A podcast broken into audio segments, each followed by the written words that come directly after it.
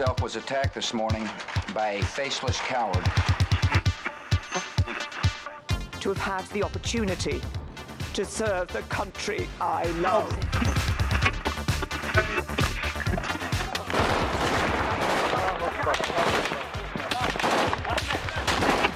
Den Einsatz für Frieden und Freiheit in Deutschland, in Europa und in der Welt. We will southern border. I beg you, please do not fail on this. Góðan dag, hlustendur góðir þér að hlusta á átjánda þáttin af heimskviðum. Ég heiti Guðmundur Björn Þorbjörnsson. Og ég heiti Birta Björnsdóttir. Í heimskviðum fjöllum við um það sem gerist ekki á Íslandi. Í dag ætlum við að koma víða við, við ætlum meðal annars að fjalla um mótmæli og verkföll í Fraklandi. Hallgrimur Indriðarsson ætlar að skoða viðbröð frakka við fyrirhugðum breytingum á eftirlaunakerfi landsins. Breytingatölugunum sem hefur ekki verið tekið þegjandi. Nei, einmitt. Og svo ætlum við líka að skoða málaferlinn gegn stjórnvöldum í Myanmar. Þar takast á miklar andstæður. Ásakarnar eru hvorki meirinni minna en þjóðarmorð og þjóðarnis hreinsanir á róhingjum en einn þeirra sem situr á sakamannabeknum er svo fyrrum þriðarverðuna hafi Nobels. Við heyrum nánar um þessa konu, Aung San Suu Kyi, um Myanmar og um Róhingja. En áður en við hleypum ykkur hallgrími að með eitthvað góðu pislaða Guðmund Björn þá þurfum nú aðeins að fjalla um nýjafstana kostningar í Breitlandi eða ekki. Jú, það verður líklega ekki hjá því komist eins og flest vita sem eru að hlusta gengur breytar til þingkostninga í gær. Fósettis ráðarann Boris Johnson barðist fyrir því að koma þessum kostningum á koppin eins og við höfum rætt hér í heimskuðum. Já, akkurat. Og tilgangurinn auðvitað að reyna að tryggja íhaldsflokknum örugan meiri hluta á breska þinginu svo hægt sé að sigla brexit skipinu í öruga höfn. Nokkuð sem Theresa May reyndi líka en gekk ekki. Einmitt. En svo virðið sem Johnson hafi haft erindi sem erfiði. Hann vantaði þessi 326 sæti til að tryggja sér örugan meiri hluta. Þetta voru þetta fyrirfram bísna spennandi kostningar. Þetta var svona svolítið annarkort eða því að ljóst var að Johnson og íhaldsfólkurinn þyrtu meiri hluta í þinginu til að geta haldið sínum áallunum til streitu, get Brexit done. Eh, það var engin af hinum stóru flokkunum að voru að veita þeim liðveisli í því. Svo þar voru spennandi fyrirfram kostningarnar en um leið og útgönguspár voru byrta klukkan tíu í gerkvöld var fljóðlega ljóst í hvað stendi. Boris Johnson og íhaldsflokkur hans fá 86 sæta meiri hluta þingsæta í neðri málstofu Breska þingsins samkvæmt útgöngusbá sem var byrt núna klukkan 10 þegar kjörstöðum var lokað. Þetta er rótbust samkvæmt þessu. 86 þingsæta meiri hluti, stærsti meiri hluti sem að íhalsflokkurinn hefur fengið frá því að Margaret Thatcher uh, var kjörinn uh, í þriðja sinn 1986. Ekki spennandi og, og kannski margir byggustuði? Nei, þetta virðist bara vera búið. Já, þetta virðist bara vera búið, sagði Bói Ákusson fréttamaður í tíu fréttum rúfi gerkvöldi í samtali við Valgerörn Ragnarsson. En þó þetta hafi verið búið þarna tíulitið þá var þó margt spennandi sem gerðist þessa kostningarótt, er það ekki? Jújú, jú, þá er það nú oftast. Ætli fyrsta óvænta uppeyja kvöldsins hafi ekki komið um klukkan hálf tólfi gerkvöldi. Þá var tilkynnt um úsliti í Blythe Valley en það voru eina af allra fyrstu úslitónum sem kynnt voru. Og þar náði íhaldsflokkurinn meiri hluta á svæði þar sem verkamannarflokkurinn hefur ráðið lögum og lofum alveg frá því um miðja síðustu öll. This is one of the big moments of the night, there's no question about it at all. This is the Conservative Party taking the former mining constituency of Blythe Valley from Labour. Já, var ekki með þarna sem að fréttamaður BBC uh, sem var á staðnum sagðist bara ánaður með það að vera í vinnunni, að vera að tala í mikrofónin, því annars verður hann bara með höguna í gólfinu, hann væri svo hissa. Já, en bóji reyndist sem satt sansbár, þetta var eiginlega búið þarna um tíuleitið. Já og það munar nokkrum þingsætum frá útgöngusbám og niðurstöðum. Íhaldsflokkurinn fær 364 og bæti við sig heilum 47 sætum, allavega að sagt að þeim tölur sem erum með núna. Verkamannaflokkurinn fær 203 og tapar 59 sætum. Já, sko stórsigur íhaldsflokksins eru kannski ekki einu fréttir næturinnar. Arfaslagt gengi verkamannarflokksins eru það kannski ekki síður. Jú, það er rétt. Formarinn Jeremy Corbyn, uh, hann vann reyndar örgan sigur í sínu kjördæmi, Islington North, en það er eiginlega, þá er það eiginlega upptalið. Eh, Sakat BBC er þetta versta útreið sem verkamannarflokkurinn færi í kostningunum síðan 1935 og þetta sagði Corbyn meðal annars í nótt. That I will not lead the party in any future general election campaign. Sko ég vona eiginlega bara að Jeremy Corbyn eigi góða að því það er eiginlega sama hverja drefniði fæti, stjórnmálafólk, stjórnmálaskýrendur og fleiri. Það verðat allir sammálum að Jeremy Corbyn sé afspyrnu lélegur formaður verkamannaflokksins. Já, en það var svo sem sagt um fleiri að engin formanna flokkana hafi einhvern áberandi kjörþokka eða í aðdáðun kjósenda. Svo eru flestir sammála um að þarna var ekki verið að kjósa um leðtoga. Þá má til dæmis nefna að Joe Swinson, leðtogi frjálsleinda demokrata, misti þingsæti sig til riflega 12 ára. Allir Brexit hafi ekki vegið þingst og að Boris Johnson hafi bóðið upp á einföldustu og skýrustu löstina í þessu máli sem er að sliga þjóðina. Jú, það er vantilega næsta mál á dagskrá, en breytar er ekkert að fara að valsa út úr Evrópusambandinu síðan svona? Nei, alls, alls ekki. Þetta eftir að taka langan tíma. De cet accord, on ne fera pas tout en 11 mois. On fera le maximum. Voilà ce que je dis. On ne fera pas tout, on fera le maximum. Býtum við, hvað eru að hlusta á hér? Sko þetta er upptaka sem að lekið var á dögunum uh, og var gerð frétt upp úr í Independent á miðugudagin var. Þarna heyrum við í Michel Barnier sem er aðal samningamæður Evrópusambandsins um Brexit. Og þarna heyrist hann verið að tala um kostningarlofur Boris Johnson að það standist enga skoðun.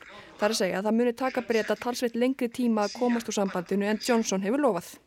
Og hversu langa tíma? Er, er eitthvað að vita um það? Sko Barnier segir allavega í þessari upptöku að það sé ógjörningur að ljúka öllum samningavirðaðum um úrgönguna á næsta ári eins og Boris hefur lofað. En breytar ætla samt úr Európa-samtinu 31. janúari? Já, algjörlega, það er planið og planið sem er enn líklar að verða veruleika núna eftir úrslitt kostningana. En þá taka þetta við mjög langar og strangar samningavirðaðir breyta við Evrópusambandið og öll aðeldaríkin og þeim líkur ekki á 11 mánuðum sé eitthvað að marka Barnier. En Sjálfs Michel, fórseti leðtóraðs Evrópusambandsins, sagði í morgun að sambandi byði með faðminn opinn. Þau voru reyði búin að hefja virðaður við Breitland og við skipti þeirra á milli. En Johnson lofaði að á þessum tíma, að ári, yrðu breytar fartir úr ESB ef hann yrði kosin og það gerði hann meðlans í auglýsingu sem vakti nokkra aðtekli, vægast þetta. Já, auglýsingu sem líkti eftir fræg og atriður kveikmyndinni Love Actually. Mast ekki þegar maðurinn bankar upp á og tjáir eiginkonu vina síns ást sína með því að síninni runu að pappaspjöldum. Emitt, ég horfði nú á þessa myndi í fyrsta skipti á dögunum. Komið tími til. Eh, Emitt, en eh, Johnson hann gerði það sama nema hann var að óska eftir atkvæðum, ekki ást. Jú, akkurat. En þessi hugmynd var greinilega svo góð að Johnson, hann var ekki svo eini í kostningabaratunni sem nýtti sér hana. Rosina Allin Kahn sem er í verkamannaflokknum, hún gerði þetta nákvæmlega sama fyrir nokkrum vikum. Hennar boðskapur á spjöldunum var hins vegar ekki kjósa íhaldsflokkin. Og hún sagaði svo Johnson og félagum að var stólið þessari hugmynd af sér. Stólið þessari hugmynd af sér sem hún stál á bíumund. Einmitt, þau sem skiptast á að skreita sig með stólunum fjöðrum.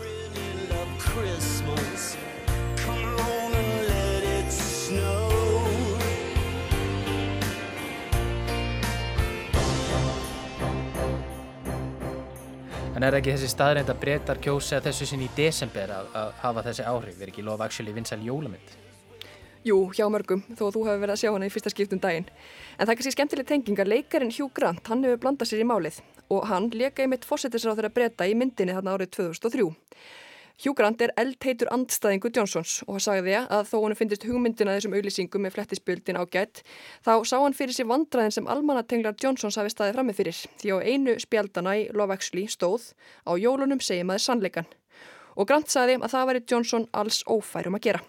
Já, einmitt Hugh Grant hefur svo sannlega að láta sig þessar kostningar varða. Hann var svo umhauðum að fólk kísi ekki Johnson að hann gekk hús úr húsi, bankaði upp á og heitti kjósendur og bað það um að kjósa Johnson ekki. En það gekk ekkert sérstaklega vel hjá honum.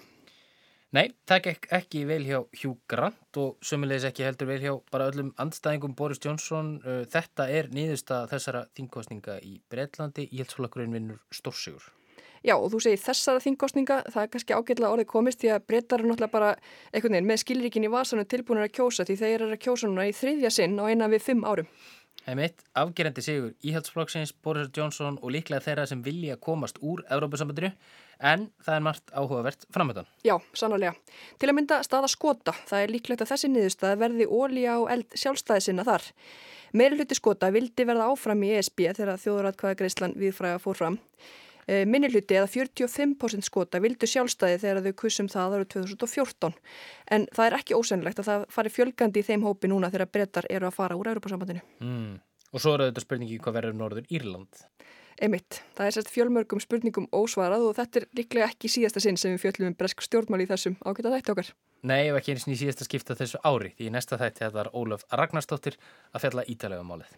Jú, en ef við ekki að klára þennan þátt fyrst?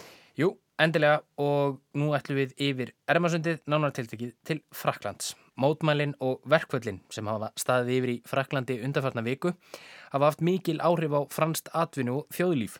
Frakkar eru mun dugleiri að mótmæla en flestar aðrar Evrópu þjóðir og það má reykja til ímiskonar sérstöðu í franska kerfinu. Við skoðum hana nánar og rínum jafnframt í áhrif núverandi mótmæla og ástæðuna fyrir þeim fyrirhugaðar breytingar á eftirlaunakerfi frakka. Hallgrimur Indriðarsson kynnti sér málið. Verkföllin sem hófist í Fraklandi á fymtudagin í síðustu viku hafa valdið margvíslegum óþægindum. Ferðir jarlesta sem eru afar mikilvægar í almenningssamgangnakerfi Parísar og fleiri borga hafa raskast verulega sem og hraðlesta samgöngur út úr borginni. Skakkaföll hafa einnig verið í flugsamgöngum. Bílaumferði í nákrenni Parísar hefur verið mun meiri en venjulega og þar með umferðateppunar.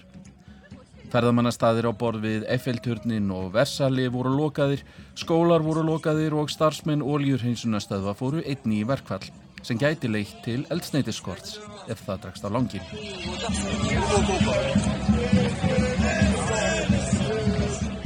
Til að fá aðeins betri insýn í áhrif verkfallana sláum við á þráðin til Kristínar Jónsdóttur sem margir Íslandingar þekkja sem Parísardömuna en hún hefur meðal annars verið með skoðunarferðir fyrir íslenska ferðamenn. Hún hefur búið í París í um 20 ár. Kristín segir að fyrsta daginn hafi allir verið tilbúinir og gert rástafanir, til dæmis að taka frí í vinnunni. En svo náttúrulega gengur það ekkert í marga daga og voru allir bara vonast til að það er bara þessi eini dag og strax frá fastu deginum fóru málin að vandast og, og hérna, það slegist um eins og örf og strætisvagnar sem að koma. Fólk, ég hef alveg hert hræðilega sögum, maðurinn minn var í strætisvagn og horfið bara hreinlega á fólk hrinda öðrum út til að komast inn sjálft og svo framvegis.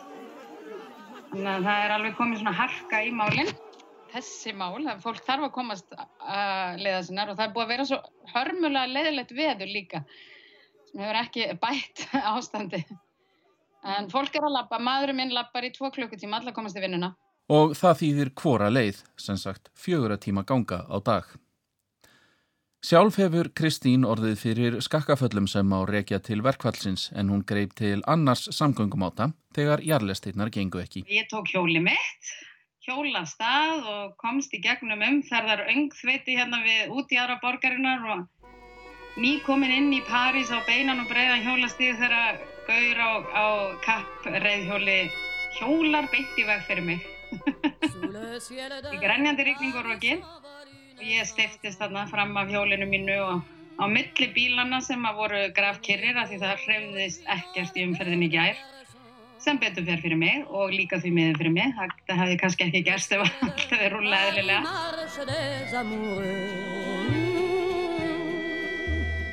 Leur bonheur se construit sur un air fait pour eux Kristín segir þetta mestu áhrif verkfalla í París frá árinu 1995 þegar einnig voru viðtæk verkföll eins og nánarverði vikið að síðar. Við gamla fólki munum eftir þessu en, en unga fólki eru upplifið í fyrsta skipti að þurfa að koma sleiða sinnar og átta sig ekki á hvað þetta skiptir nú miklu máli að hafa þetta metrokerfi sko.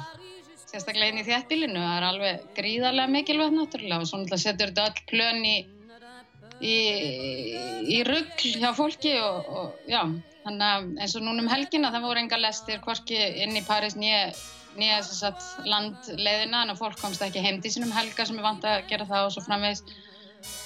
Og já, þannig að það, var, það er mikil, svona, mikil pyrringur og þetta er erfitt og maður, eins og maður segir, maður sé, ég sé fólk steita nefnum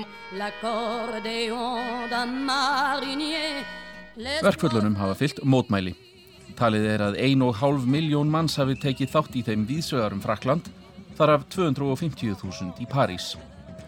Fólk krafðist þess að áformum breytt eftirlaunakerfi erðu dreyin tilbaka, við skoðum þær breytingar nánar á eftir, og slagorð voru hrópuð í þá veru.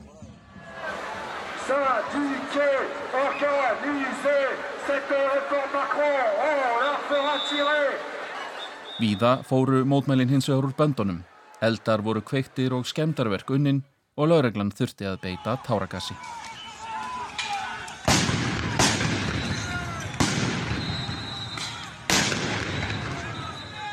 Yfir 70 voru handteknir. Og verkvöldin voru fleiri.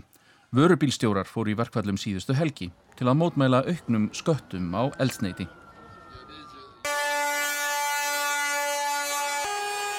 Þeir mótmæltu á gamal kunnan máta með því að keira fjölfarnar götur á hraða snígilsins. Eins og áður saði stafar óanægjan af fyrirhugðum breytingum á lífeyriskerfinu. Samræma á lífeyrisréttindi allra launþega, ekki ólíkt því sem verið er að gera hér á landi.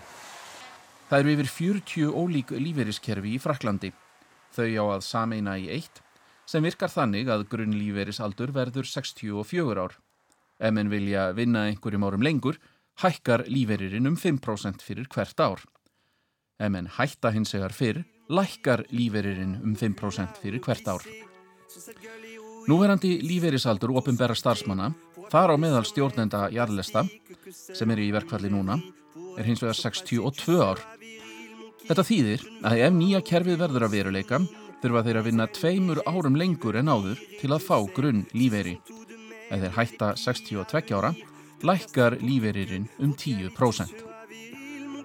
Loin de toi, ces finesses tactiques de ces femmes origines qui féminisent groggy. Fyrir utan að þetta þýðir skert réttindi hafa gaggrínendur líkt þessu við að spila fótboltaleik þar sem reglunum er breytt í háleik. Menn hafi sem sagt unnið undir ákveðnu kerfi og ekki sé forsvaranlegt að breyta því sér svona.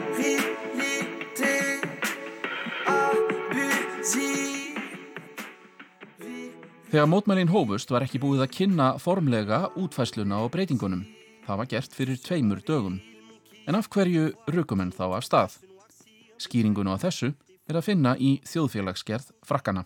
Það má segja að mótmælinn strax hafi borið keimað af ákveðnum vantrösti. Þetta er Torfi Tulinius, professor í íslensku miðaldafræðum við Háskóla Íslands og áður professor í frönsku.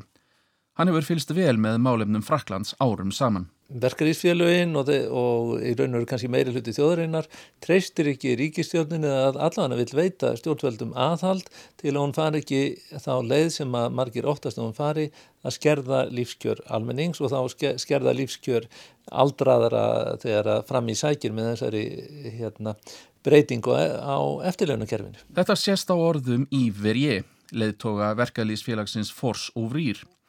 Hann segir stjórnmöld ekki hlusta á skilaboð verkalýssefingarinnar.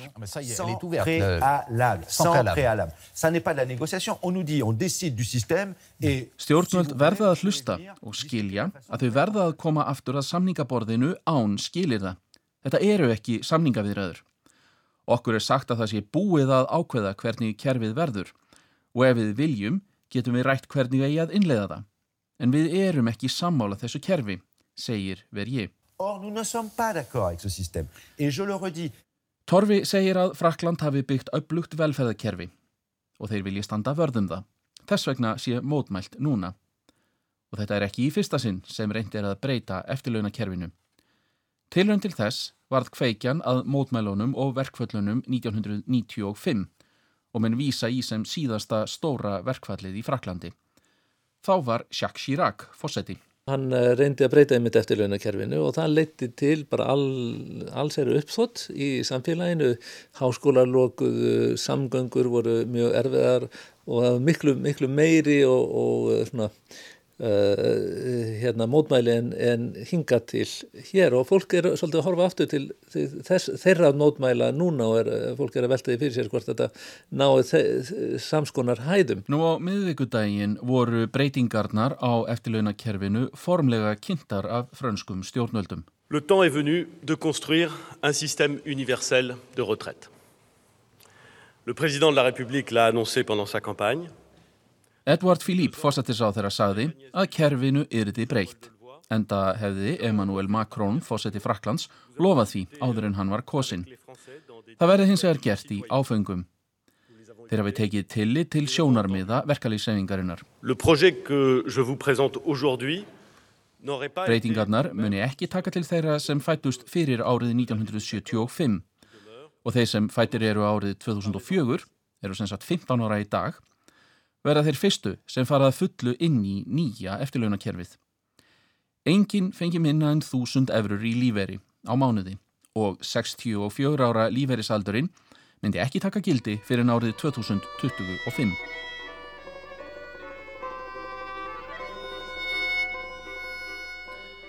Verkalýsfélagin hafa þegar gaggring þessa útfæslu. Laurent Berger, sem leiðir CFTT, hófsamara verkalýsfélagið, lísti yfir anstöðu og kvatti til frekari mótmæla. Donc la CFDT, elle veut que le gouvernement revienne en arrière sur cette mesure paramétrique, cette mesure d'économie, de faire travailler les gens plus longtemps dès 2022. Við viljum að stjórnvöld hætti við þessar breytingar sem munu neyða fólk til að vinna lengur frá árinu 2022, segir Berger. Hann boðar mótmæli á þriðjudaginn, en þó ekki verkfall samhliða því. Útfæslan hefur því ekki kæft óanægjurættinnar. Það er kannski skiljanlegt þegar hort er á kerfið sem frakkar hafa byggt upp nánast frá lokum síðari heimstyrjaldar og hefur ákveðina sérstöðu í Evrópu. Eftirlaunakerfið þeirra er mjög gott. Samanbúratölu við Þískaland sína að, að það er ekki nema 3,5% af eftirlaunategum sem, sem teljast lifa undir fátættamörkum í Fraklandi. Sambarileg tala í Þískaland er 11%. Í flestum löndum eru meðalaun eftirlaun þegar tölvöld lægri en meðalaunin í landinu. Í Fraklandi eru meðal líferir eftirlauna þegar ívið harri heldur en meðalaunin í landinu. Á móti losa fyrirtæki sig við eftirlauna þegar eins fljótt og þeir geta. Það þýðir að atvinnu þáttaka fólks minkar hratt eftir 60 og það endar atvinnulust og svo með skertam líferi. Samfélagið sem leggur svona mikið í, í raun og veru samfélagsbygginguna allan að sumir hagfræðingar segja hefur ekki efnaði að skapa störf fyrir alla og, og svona þetta atvinnuleysi hefur verið svona eitt helsta megin frans samfélags í uh, bara áratugum saman og uh, leiði til þess að sumir eru bara skilgreindir eða skilgreina sjálfan sig út fyrir samfélagið. Það er fólk sem að sefur á göttum úti í, í, í mörgum borgum Fraklands og, og, og það er náttúrulega bara skömm að því.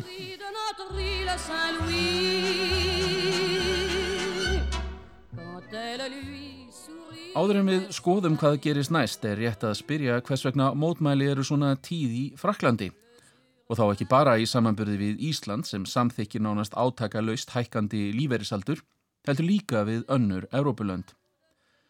Það likur við að ef frakkar eru ósáttir, séu þeir undir einsfarnir að hrópa á götum.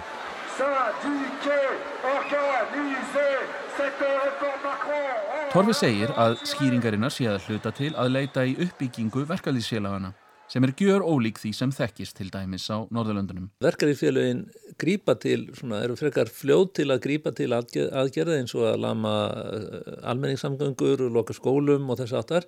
Hins vegar öfugt við til dæmis hér í Norður-Európu þá eru verkalýsfélögin tiltúlega veik.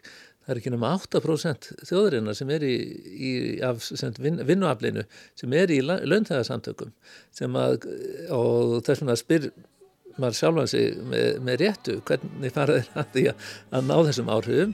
Nú svarið er í stuttumáli að, að mjög margir stiði aðgerðir verkalýsreyfingarinnar þó þeir séu ekki hluti af henni.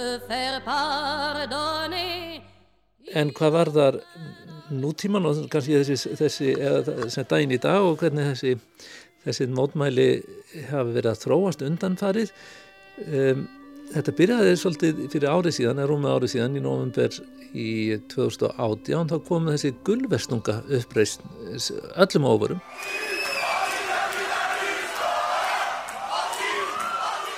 Þessi hreyfing hefur eins og nafnið gefur til kynna klætt sig í gull vesti sem ofinberi starfsmenn klæðast jafnan við störf.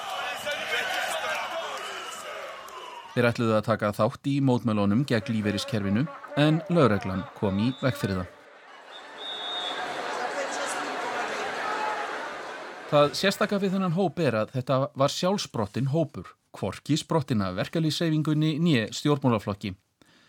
Þetta er mikið til fólk á miðjum aldri sem býr í útkverfum og þar því mikið að treysta á engabílin. Það sem að kveikti þetta bál sem að bara logaði mjög glatt ef svona að orði komast allt síðastlið haust og langt fram bara á þetta ár var, var skattur sem var laður var á eldsneiti af því að og það er náttúrulega gert til að til að fjármagna uh, viðbröð almennings við, við uh, nattrætni hlínun en þarna sagði fólk, já við erum fátakafólki við viljum ekki að, við erum fólki sem býr í dreifðu byðunum, við viljum ekki að bera kostnæðin af því sem að þið í borgunum og þið ríka fólki eru að, að vandanum sem þið eru að skapa. Mótmælinn hafa síðan snúist um almennar kerfisbreytingar.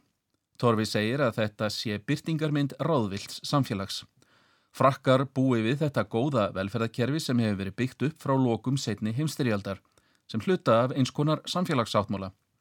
Nú hafi kerfið drabbast niður og þrýstir á það utanfrá. Frans stjórnvöld finna mjög mikið fyrir þrýstingi sérstaklega frá Evrópusambandinu að draga úr miklum halla á sínum ofnberu fjárlögum og allt þetta veldur því að það er, sagt, það er svona stanslaus núningur millir þeirra sem að stýra eh, landinu og svo almennings og almenningur óttast mjög að þeir sem að stýra landinu vilji og ætli sér að skerða kjör þess og, og kjörin hafa drabbast niður þrátt fyrir þessi mótmæli en ég held að svona hugsun hjá mjög mörgum allavega er svo að því meira sem við mótmælum, því meira sem, sem við stöndum gegn þessu því, lík, því uh, líklegra er til að, að stjórnvöld bakki en það eru margskonar margskonar dæmi um þetta. Til dæmis hafi Jacques Chirac hægt við tilhauður um breytingar á eftirleunakerfinu sem minnst var á hér áðan.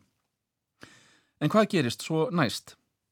Kristín Jónsdóttir óttast að staðan eigi aðeins eftir að vestna haldi verkvöld áfram í einhver tíma. Fólk er að sagt, fara og gista hjá vinnum, foreldrum, ættingum sem að búa nær vinnustöðum eða skólum. Krakkandi þurfa líka að mæta í skólan. Við erum með, við erum með strák sem að þarf að mæta í stúdinspróf, hann lappar klukkutíma og tíu myndur að lappa í skólan, gerir það. við verðum bara vekja hann fyrir á mannana. Við bara sem sagt aðlögumst þessum ömurlegu aðstæðum. Þetta er ömurlegt hérna á, á allavega hérna í þjættbílinu. En, en við aðlögumst bara og meðan er á meðan er og vonum svo bara þessu linni fyrir en síðar. Torfi segir að vandi síðan spáum hvort þessi von Kristína rætist. Hann bendir hins vegar á að mótmælinn hafi ekki verið eins fjölmenn í þessari viku og þau voru fyrir síðustu helgi. Það veit enginn hvernig þetta fer. Það gæti vel verið að, að um, stjórninni takist þetta. Þetta er í raun og veru, hún er að setja sér uh, þessar, þessar umbreytingar mjög eiga sér staði tiltöðulega fjarlægir í framtíð. Það getur vel verið að fólk látið það gott heita og leifið þess að gerast. Að móti kemur að unga fólkið í Fraklandi er bara svolítið er svona, það er mikið svart síni er mér sagt af uh, hjá ungu fólki það er þetta atvinnleysi sem að ég var að tala um áðan sem er langvarandi þannig að fólk er ungt fólk er ekki, alls ekki vist um að, að það fái einhver stað í samfélaginu gennum atvinnu og svo núna þetta að, að kjör þeirra er að skerðast og eh, eða sem eftirlaun, eftirlaunakjör þeirra verða skert með að við eftirlaunakjör fóröldra þeirra eða kynnslóðan á undan. Allt þetta svona elur á óanægu og gæti alveg á, á uppreysnar gerðni í hjá unga fólkinu. Þá allt eftir að koma í ljós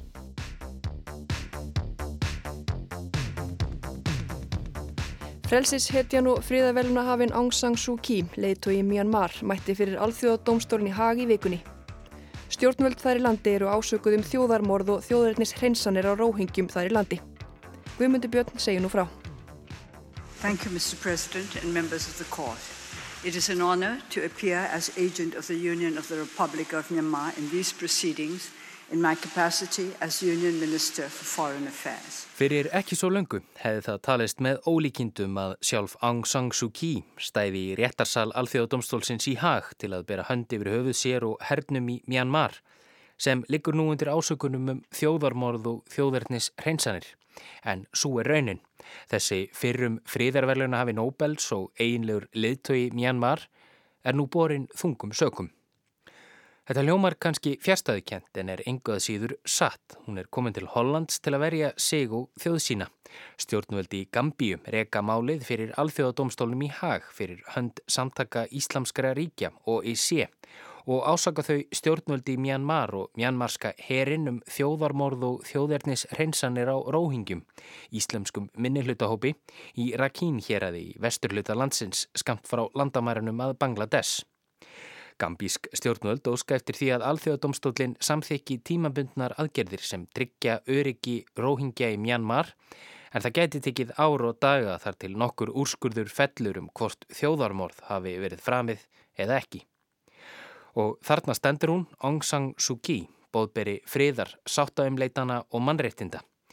Eða er það Aung San Suu Kyi, leðtögi þjóðar sem stundar skipulaða útrýmingu fólks sem ekki nýtur sömu réttinda og aðrir íbúar landsins.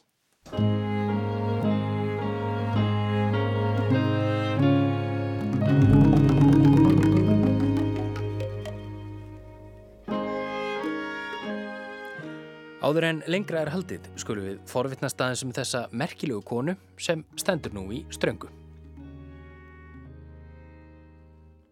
Aung San Suu Kyi er af mörgum talin valdamesta manneskjan í Myanmar sem áður hitt Burma og snundum ennþá kallað Burma, landi sem telur rúmlega 50 miljónir er staðsett milli Bangladesh, Indlands, Kína, Laos og Thailands og Bengalflóa í söðri.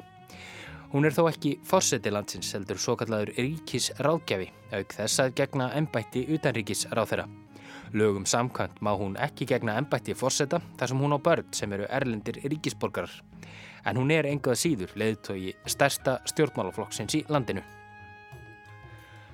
Saga hennar er nokkuð aðteglisverð. Hún fættist árið 1945 og er dóttir byltingarsinnans Aung San og King Kyi sem var einni stjórnmálamæður og síðar sendiherra.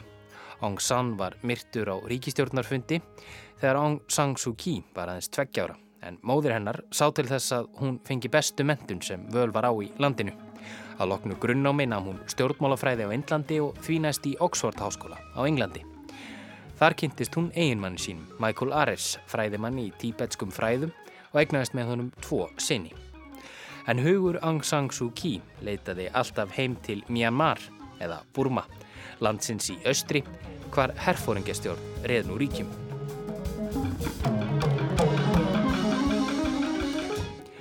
Árið 1962 rændi herin í landinu völdum undir stjórn hersöðingjans Nea Vín. Var fórseti landsins allt til ásins 1981 og fram til ásins 1988 var hann nokkur skonar einræðisherra í því sem þá hétt Sósélíska Búrma. Og það var einmitt árið 1988 sem Aung San Suu Kyi fór að láta sér kveða í landinu. Hún hafi snúið aftur heim frá Breitlandi til að hugsa um aldraða móður sína. En á sama tíma hefðu mótmæli Myanmar fæst í aukana. Þar sem herfóringjastjórn Nevin var harðlega mótmælt á götu múti. Síðar um sömarið ávarpaði Aung San Suu Kyi meir en halva miljón manna sem sapnastöðu saman í miðri höfuborginni Yangon sem kröfðist þess að herfóringjastjórnin legði upp laupana.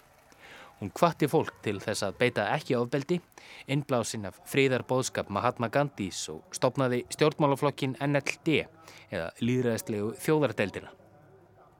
En baráttan við herfóringjastjórnina gekk ítla og þótt nefn hafi vikið tóku aðrir herfóringjar við. Sú stjórn bóðaði til kostninga sem NLD segraði öruglega en herfóringjastjórnin virti niðurstöður kostningana að vettu í. Segja má að Myanmar hafi farið úr öskunni í eldin. Herin helt völdum í landinu og var Aung San Suu Kyi sett í stofufangilsi.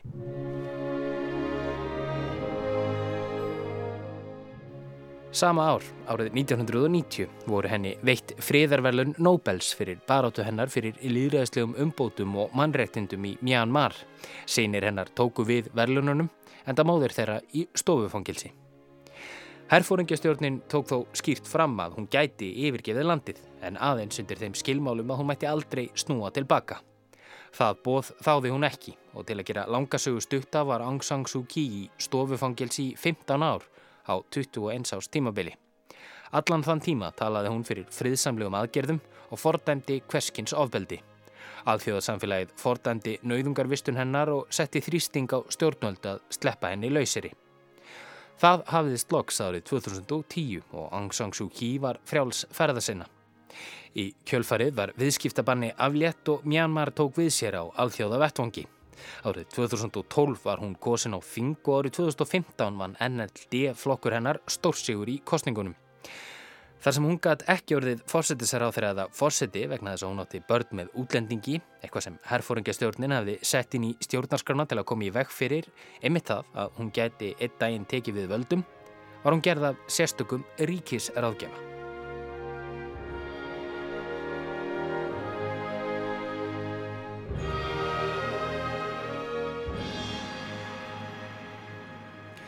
Áður en lengra er haldið skulum við venda okkar kvæði í kross og beina sjónum okkar að þjóðarbrótinu Róhingjum sem eru ástæða þess að mannreitindafröðmuðurinn og frelsishetjan Aung San Suu Kyi er nú að verja sig og þjóðsína fyrir alþjóðadómstólum í hag. Hverjir eru Róhingjar? Þetta er svona 1,2-1,3 miljónir manna sem hafa búið þarna tölvert lengi í rakinýraði Þetta er Ingólur Bjarni Sigfússon, frettamæður og einn umsjónarmanna frettaskýringa þáttsins Kveiks sem síndur er á Rúf. Ingólur fór til borgarinnar Cox Bazar sem liggur næst landamærunum að Myanmar frá Bangladesh.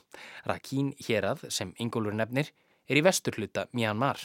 Við fórum hérna í lóknómumber byrjundu desember 2017. Þá hafði það sem er einfallega rétt að kalla þjóðamort staðið yfir frá því í ágúst uh, og við vildum fara þarna að fjalla um aðstæður já, 7 til 800.000 flottamanna sem hafðu flúið við frekar innanleik frá Rakin hér að Ímjanmar eftir að þeirrin byrjaði að herja fólk þar. Þjóðarmorð, segir hann og það er líklega óhætt að taka undir það. Róhingjar eiga sér langa og merkilega sögu sem nær langt aftur í aldir. Þeir eru múslimar og hafa í raun aldrei notið nefna réttinda í Myanmar en meiri hluti íbúa landsins er bútatrúar. Stjórnvöldi Myanmar segja þá Bengali sem eiga enga kröfu eða tilkall til réttinda á þessu svæði. Þeir njóta engra borgarlega réttinda, eru ekki mjanmarskir ríkisborgarar, hafa ekki kostningarétt og búa við takmarkað ferðafrelsi, meira að segja innan landsins. Síðla árs 2016 hófu mjanmarski herin og lauruglulegað herja og róhingja í Rakinhéræði. Herin þótti ganga harkalega fram og frásagnir herma að hermenn hafi stundað aftökur, skipulaðar, nöðganir og frekari hryllinga og róhingjum. Það er svo í ágúst 2017 sem blóðu átök brutust út milli uppreysnarhópa á röðum róhingja og hersins. Uppreysnarmönnum er gefið að sög að hafa ráðist að tugum landamærastöða. Það áttu eftir að hafa í förmið sér alvarlegar afleðingar.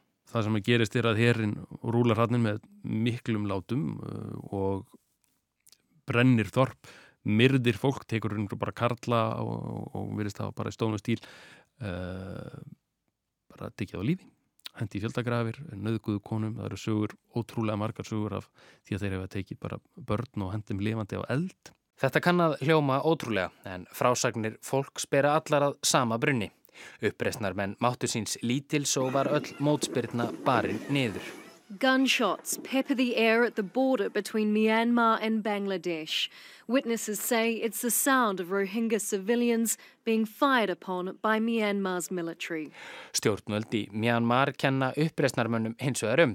Súfullering þykir nokkuð ótrúleg. Hvort sem það eru þeir fjölmjöla sem þó hafa komist að neins sem er ekki margir eða uh, alþjóðastofnari sem hafa með ýmsum hætti komið fólki þannig að rannsaka eða þeir sem hafa tekið vitnisspurð flottamannana sjálfa hafa allir komist að sjálfur sömu niðurstuða að þetta sé í raun og veru bara ígildi þjóðamórs á þessu þjóðabróti sem að Bangladesar tóku nokkuð vel á móti en vilja nú fara að losna við. Almennt er talað um aðgerðir hersins gegn róhingjum í Rakhín hér eði innmitt sem þjóðarmorð.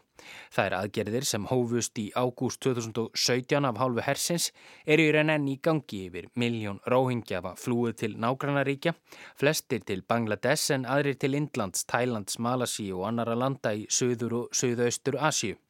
Tugþúsundir róhingja hafa verið drefnir og hundruð þúsunda beittir ofbeldi. Í ágúst á síðasta ári lagði mannréttindar áð saminuð þjóðana til að ákjæra eitt í hershauðingja fyrir þjóðarmorð. Nemnd á vegum saminuðu þjóðana sagði í skýslu í september að draga eitt í stjórnvöldi Myanmar til ábyrðar fyrir alþjóðadómstólum og í síðasta mánuði taldi hún hættu á frekari ofsóknum gegn róhingjum.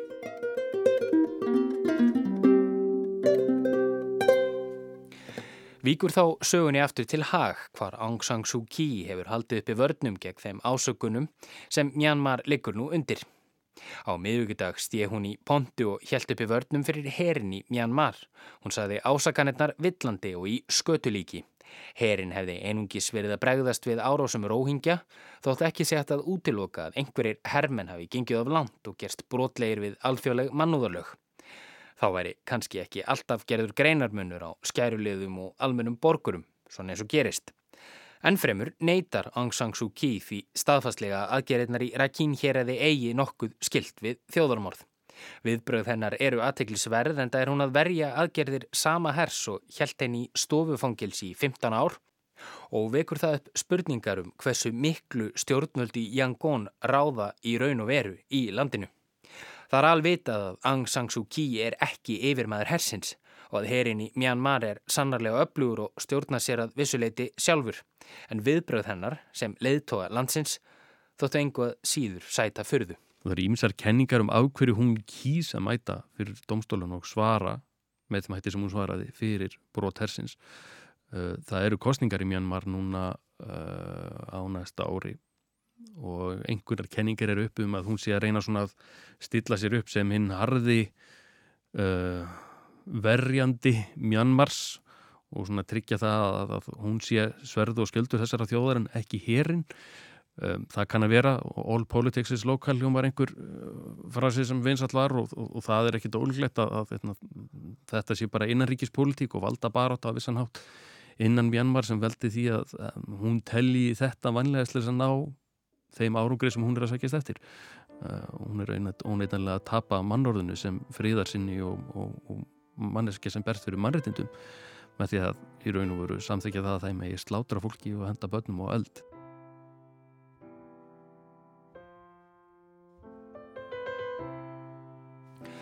Jafnvel þótt Aung San Suu Kyi hafi ekki völdi við hernum hefur hún leiðin drámæli meðal annars frá saminuð þjóðunum fyrir að bregðast ekki við þjóðurnis reynsunum hersins og í stað þess að sitja undir þeirri gaggríni hefur hann ákveðið að gerast málsværi hersins fyrir alþjóðadómstólunum í hag. Það hvernig hún hefur kostið að ganga fram í þessu máli þýði það að hún er ekki auðfús og gestur mjög víða í heiminum.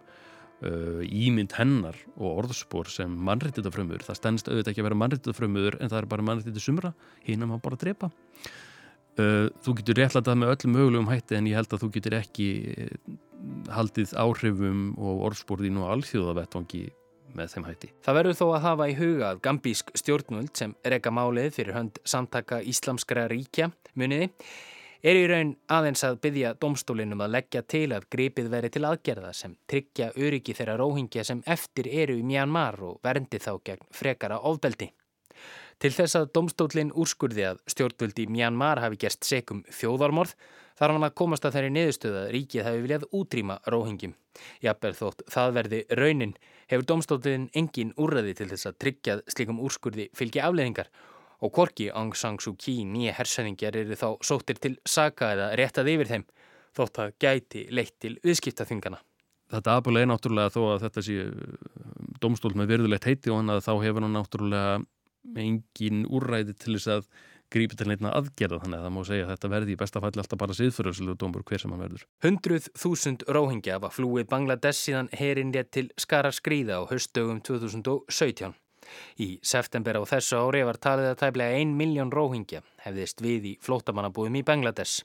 Í mars á þessu ári sögðu Þarland stjórnvöld hingaðu ekki lengra, við getum ekki tekið á móti fleiri flótamannum stjórnvöldi í Bangladesh segja að það verða að fara að koma þessu fólki í burtu uh, frá uh, svæðinu í kringum Bazar, það er náttúrulega gríðarlega, það er engar flottamannabúðir í sögunni. Að hafa sprottið að prata og orðið að fjölmunari að prata þessar flottamannabúðir og það eru þó að séu uh, frábærar til þess að taka við fólki þegar það kemur yfir og er bara í nauðum þá er þetta náttúrulega ekki eitthvað staður sem að fólk getur dvalið á árum saman. Bangladesh hefur gert áallanir um að koma um 100.000 flótamönnum fyrir á eiginni Basan Char á Bengalflóa sem hefur mætt misjöfnum viðbröðum alþjóða samfélagsins. Mannúðarsamtök segja þess að ráða gerð þvingaða fólksflutninga. Þá hafa stjórnuldi Myanmar sagt að róhingjar séu velkomnir heim og þessi búið að ganga frá lausum endum, gera rástafanir og tryggja öryggi þeirra.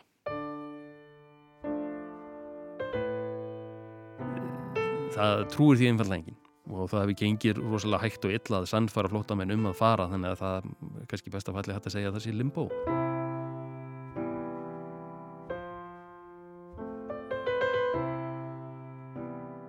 Þá er um hálf miljón róhingja enn í Rakín hér aði margir þeirra vilja flýja burt en það óttast þeir um lífsitt Og í hag í Hollandi segir lögfræðingurinn Philip Sands sem er ekkur málið fyrir hönd gambískra stjórnvalda að Aung San Suu Kyi hafi hundsað ásakanir um fjöldamorð og nöðganir á róhingjum og nöðungar flutninga þeirra.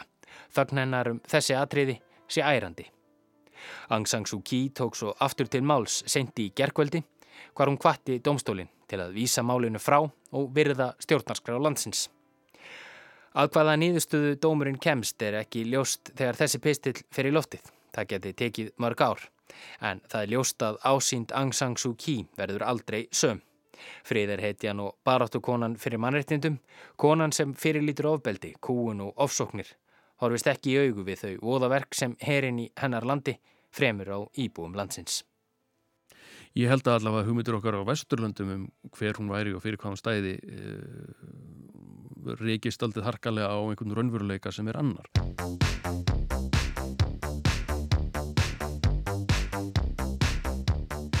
Heimskviður verða þá ekki fleiri þessa vikuna. Við verðum hér aftur á sama tíma í næstu viku en það verður jafnframt síðasti þáttur ásins. Heimskviður halda svo áfram eftir jólafrí, fyrsti þáttur verður 17. janúar og eins og alltaf má hlusta á þáttin á öllum helstu hlaðvarpsveitum og í spilarnum á rú.is. Við þökkum þeim sem hlýtu og heyrjumst aftur í næstu viku.